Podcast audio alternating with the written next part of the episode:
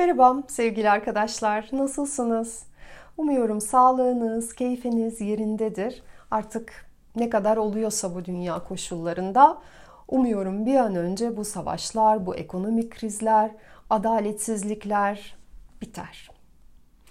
Ama biz işimizi inşallah maşallahı bırakmadan kendi hayatımızın iplerini kendi ellerimize almak veya zaten elimizdeyse kendi ellerimizde tutmak için uğraşıyoruz. Çünkü istediğimiz hayatı bize bizden başkasının veremeyeceğinin farkındayız. Öyle değil mi? Bugünkü videomuzda e, biraz hayatımızda tekrarlanan senaryolardan ve onlardan kurtulmak için neler yapabileceğimizden bahsetmek istiyorum. Ve bu yolda kendimize sorabileceğimiz, bizim farkındalığımızı oldukça genişletecek, hatta yeterince üzerinde durursak bu tekrarlanan senaryodan bizi çıkaracak üç tane çok etkili soru üzerinde duracağız.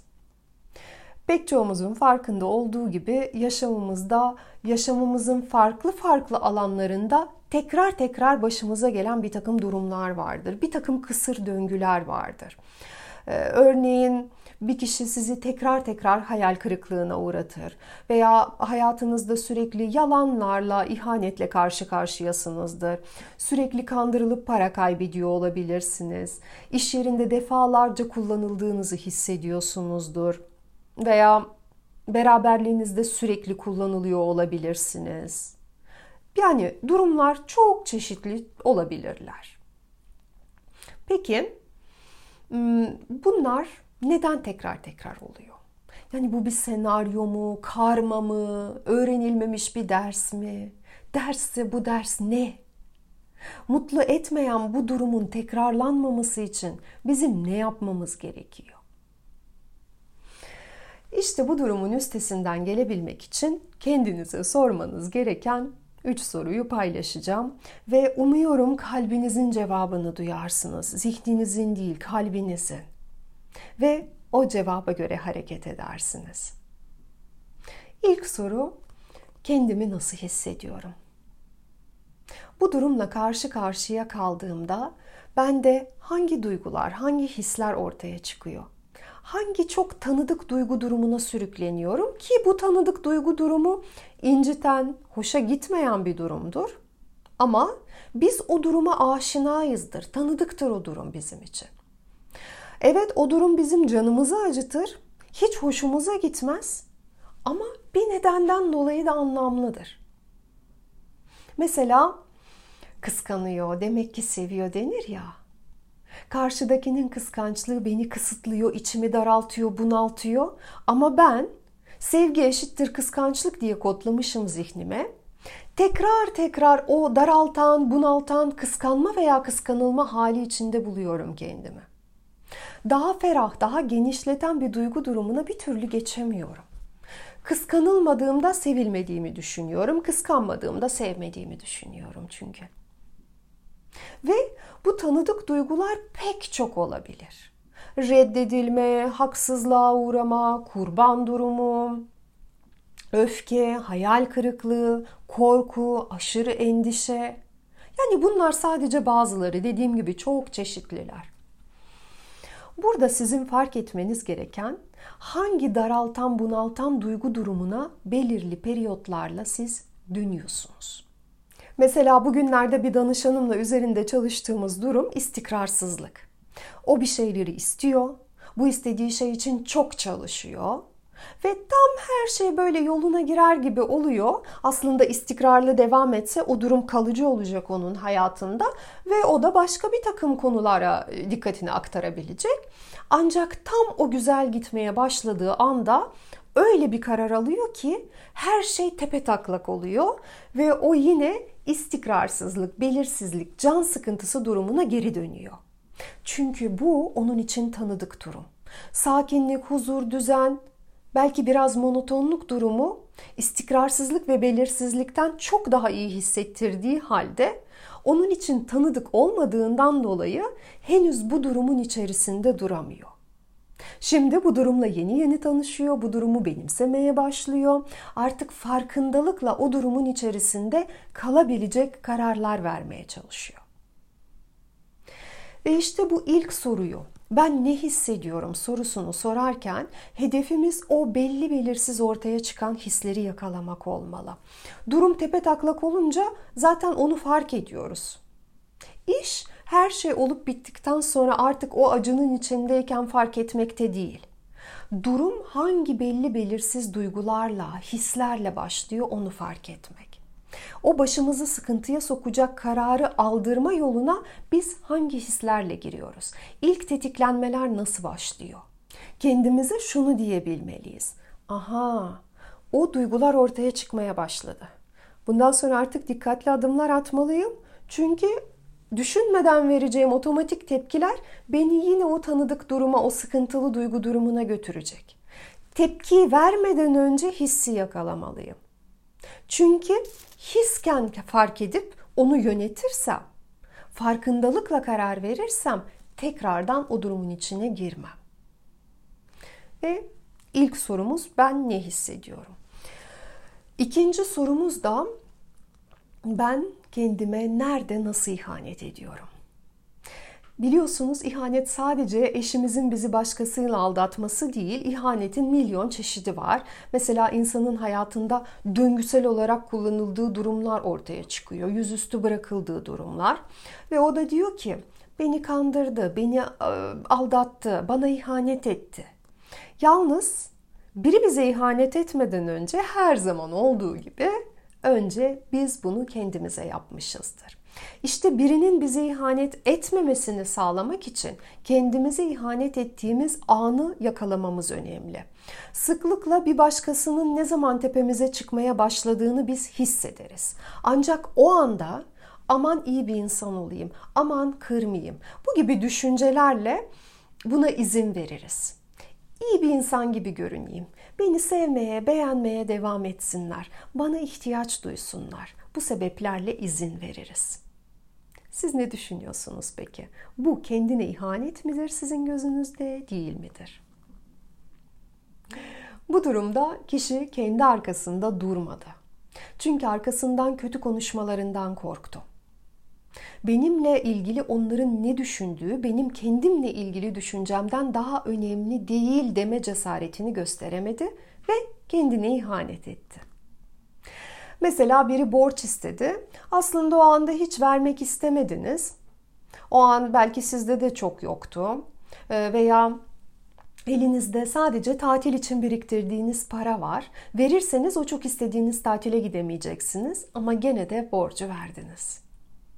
Kendi isteğinizi diğer insanın isteğinden geri attınız. Siz kendinize o an ihanet ettiniz hayır borç veremem diyemediniz. Çünkü diğer insanın karşısında aç gözlü, kötü, düşüncesiz, bencil görünmek istemediniz. İşte bu tür kendine ihanetler de hiç güzel olmayan sonuçlara götürür. Mesela bir başkasının size korkunç şekilde ihaneti gibi. Bu gibi sonuçlar. Peki bu yaptığınızın kendi kendinize ihanet olduğunu gerçekten anlıyor musunuz? eğer anlamaz, farkına varmaz, bu durumu kabul etmez ve bir sonraki sefer farklı şekilde davranma kararı almazsanız daimi olarak birilerinin size ihanet ettiğinden, sizi kandırdıklarından, sizi hiç düşünmediklerinden, kullandıklarından şikayet eder durursunuz. İkinci bir seçenek yok. Garanti ediyorum böyle olacağını. Ve üçüncü kendimize soracağımız soru da bütün bu olan bitenden ben ne sonuç çıkardım? Beni çok da mutlu etmeyen bu durum tekrar başıma geldiğinde ben bu durumdan ne sonuç çıkardım? İşte burada hep bahsettiğimiz sınırlayıcı inanç konusu karşımıza çıkıyor. Olaydan doğru sonucu çıkartamazsak nur topu gibi bir sınırlayıcı inancımız oluyor. Sonra o bizim hayatımızı kangren ediyor.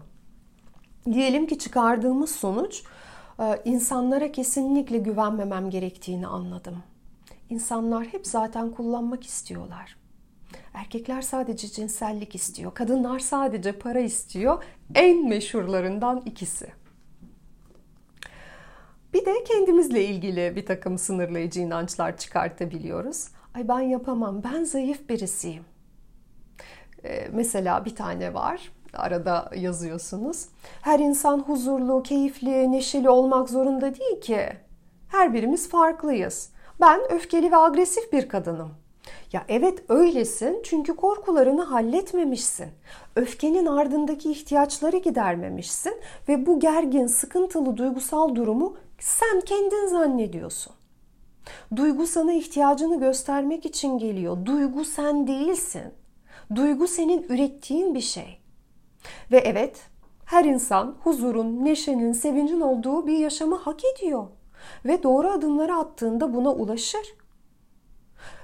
Yani bizler hayatımızı öfkeli, atarlı bir şekilde sürdürmek için doğmadık. Bu kendimize yapacağımız büyük bir haksızlık eğer ömrü böyle geçirirsek. Ne sonuç çıkardığımız gerçekten çok önemli. Çünkü bu her şeyin başlama sebebi. Tekrarlanan döngünün tekrardan başlama sebebi bir önceki döngüden çıkardığınız sonuç. Siz bu çıkardığınız sonucun doğru olduğunu kanıtlamak için tekrardan döngüye giriyorsunuz. Sonra da evet çıkardığım sonuç doğru diye teyit etmiş oluyorsunuz. Bu inanç sizin tutumunuzu oluşturuyor ve her tutum tekrar tekrar kendini haklı çıkarma, kendini doğrulama eğilimindedir. Her inanç. Diyelim ki çocukken babanızdan bir şey istediniz. O da siz daha fazla ısrar etmeyin diye tamam dedi. Tamam dediği şeyi de yapmadı. Siz de babaya güven olmaz diye sonuç çıkardınız. Büyüdünüz. Bu tutum kendini haklı çıkara çıkara erkeklere, kadınlara, insanlara güven olmaz haline dönüştü. Siz biriyle görüşmeye başladınız ancak güven duymadığınız için sürekli onu kontrol ediyorsunuz. Sizin istediğiniz gibi davranması için manipülasyon yapıyorsunuz, baskı yapıyorsunuz. Ona güvenilir olduğunu gösterme fırsatı bile vermiyorsunuz. Karşınızdaki bir süre sonra bu daraltan kısır döngüden sıkılıp önce yalan söylemeye başlıyor, sonra da sizden ayrılıyor. Siz de bak gene haklı çıktım. Biliyordum ben zaten. Bütün erkekler yarı yolda bırakır. Ben bunu biliyordum sözlerinde durmadıklarını biliyordum. Al bak yine öyle oldu.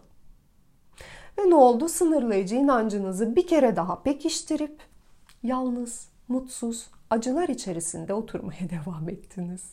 Aferin. Haklı olmanız, mutlu olmanızdan daha önemliydi çünkü. Şaka bir yana. Şaka değil bu arada. Peki ne yapacağız? Yapacağımız şey farklı sonuçlar çıkartmak. Olan bitene daha geniş açıdan bakmayı deneyeceğiz. Daha bilgi bir şekilde bakacağız. Birkaç adım geriye gidip bu durumu bizden başkasının oluşturmadığı gerçeğini kabul etme cesareti göstereceğiz. Sınırlayıcı inancı tekrar tekrar haklı çıkarma konusunda son derece istikrarlı, sabırlı, düzenli çalışan kişinin kendimizden başkası olmadığını kabul edeceğiz. Ve belki bundan sonra farklı bir sonuç çıkarabileceğimize dair umudumuzu besleyeceğiz. Bilgimizi, farkındalığımızı geliştireceğiz. Ve sonraki sefer çıkaracağımız sonuç belki hayır demeyi, sınır koymayı öğrenmeliyim. Acele etmemeyi, saldırmadan, suçlamadan konuşmayı öğrenmeliyim. Kendi isteklerimi duymalı, İsteklerimin arkasında durup onlardan vazgeçmemeyi öğrenmeliyim. Kendimi sevmeyi, kendime dürüst davranmayı öğrenmeliyim. İnsanları sanırım çok da iyi tanımıyorum. Onları tanımayı öğrenmeliyim. İlişkilerle ilgili dinamikler hakkında sanırım bilmediğim bir şeyler var. Öğrenirsem iyi olacak gibi. Bu gibi sayısız sonuç çıkartabiliriz. Bizi hayatta ileri götüren sonuçlar, bizi daraltan, hayattaki hayatta bizi sıkıştıran, alanımızı daraltan sonuçlar değil. Mesela kendi hayatımın yaratıcısı olmak için kendi hedeflerime odaklanmalıyım. Siz kendi hedeflerinize odaklanmazsanız çünkü başkaları sizi kendi hedeflerine ulaşmak için kullanacaklardır. Mesela sizin kendi paranızla ilgili hedefleriniz yoksa bir başkası sizin paranızı kendisi için kullanacaktır. Bu dünya kesinlikle adil bir yer. Hak ettiğimizi düşündüğümüz, tahammül etmeye hazır olduğumuz muameleyi görürüz. Şimdi şunu diyen arkadaşlar olacak. Hayır ben kaç kere sevgilime bu muameleyi hak etmediğimi söyledim ama o öyle yapmaya devam etti. Bana haksızlık yapmaya devam etti. Bu değil. Bilinç dışına ittiğimiz, farkında olmadığımız o düşünceleri bulmamız gerekiyor. Ağzım bir şey söylüyor ama davranışım ne söylüyor? Davranışımın dediği önemli. Davranışlarınızı analiz ederek sınırlayıcı inançlarınıza ulaşabilirsiniz. Yani ben ne düşündüm de böyle davrandım. Hayatınızdaki herhangi bir kısır döngüye bir bakın ve onu bu şekilde sorgulayın. Hangi duyguları tekrar tekrar hissetmeye çalıştığınızı anlarsanız, daha farklı, daha yapıcı olabilecek bir karar alırsanız, alışkanlık haline gelmiş duygu ve davranışlardan vazgeçmeye gönüllü olursanız, kendinize ihanet etmemeye karar verirsiniz. Dersin başka ne olabileceğini sorgularsanız, sizi daraltan değil, genişleten, daha fazla fırsatlar sunan dersleri fark etmeye çalışırsanız kısır döngüden çıkarsınız. Sonra da bu döngülerde rol alan herkese, her duruma, sizi bu muazzam farkındalığa hazırladıkları için kalpten şükran duyarsanız iyice enerjinizi ve bilinç seviyenizi yükseltmişsiniz demektir. Yalnız canınızı sıkabilecek bir uyarım var. Bu dersi alarak bu kısır döngüden çıktınız diye her şey bitmedi. Sırada bir sonraki ders var. Siz bir ders almakla yeni bir bilinç seviyesine çıktınız ama bu bilinç seviyesinin de dersi var, yine sınavı var. Mesela 6. sınıftan 7. sınıfa geçildiğinde okul bitmiyor. Yani okuma kısmı bitmiyor. Konular değişiyor ama süreç aynı. Ama siz artık süreci tanıyorsunuz ve başa çıkmayı biliyorsunuz. Bu bilgileri ve deneyimleri kullanarak yeni döngüyü de aşacaksınız. Ta ki son nefesimizi verene kadar bu böyle devam edecek. Ve daha önce anlamadığımız çeşitli dersler yani kendimize değer verme, yardım isteyebilme, yakınlık kurma, kendinin arkasında durma, kendine ihanet etmeme bunlar gibi alınmamış derslerin hepsini bir seferde ama çok sert, çok acı bir şekilde öğreten bir olay var. Aşk üçgeni. Eşimizin bize ihanet etmesi, bizim ona ihanet etmemiz veya evli iki insan arasına girmemiz. Yani hangi rolde olursanız olun aşk üçgeni dönüşüm üçgenidir. Hayat aşk üçgeninden önce ve sonra olarak ikiye ayrılır. Tabii ki üçgenden siz dönüşerek çıktıysanız. Eğer dersi almadıysanız tekrar tekrar döngünün içine gireceksiniz. Ya tekrar aldatılacaksınız, ya siz aldatacaksınız, ya sevgili konumunda gireceksiniz. Yani rol değişecek ama ihanet durumu değişmeyecek. Ama dersi alırsanız dönüşerek ve güçlenerek çıkıyorsunuz. Dersi almazsanız aynı döngü tekrarlanıyor. İşte 20 Kasım'da başlayacağımız aşk üçgeni kursunda yapacağımız şey bu. Buradan nasıl iyi yönde dönüşerek, daha güçlü bir insana dönüşerek çıkabileceğinizi öğrenmek. Ve siz eğer aşk üçgeni içinde bulunmuşsanız, aldatan, aldatılan, sevgili hangi rolde olduğunuz hiç fark etmez.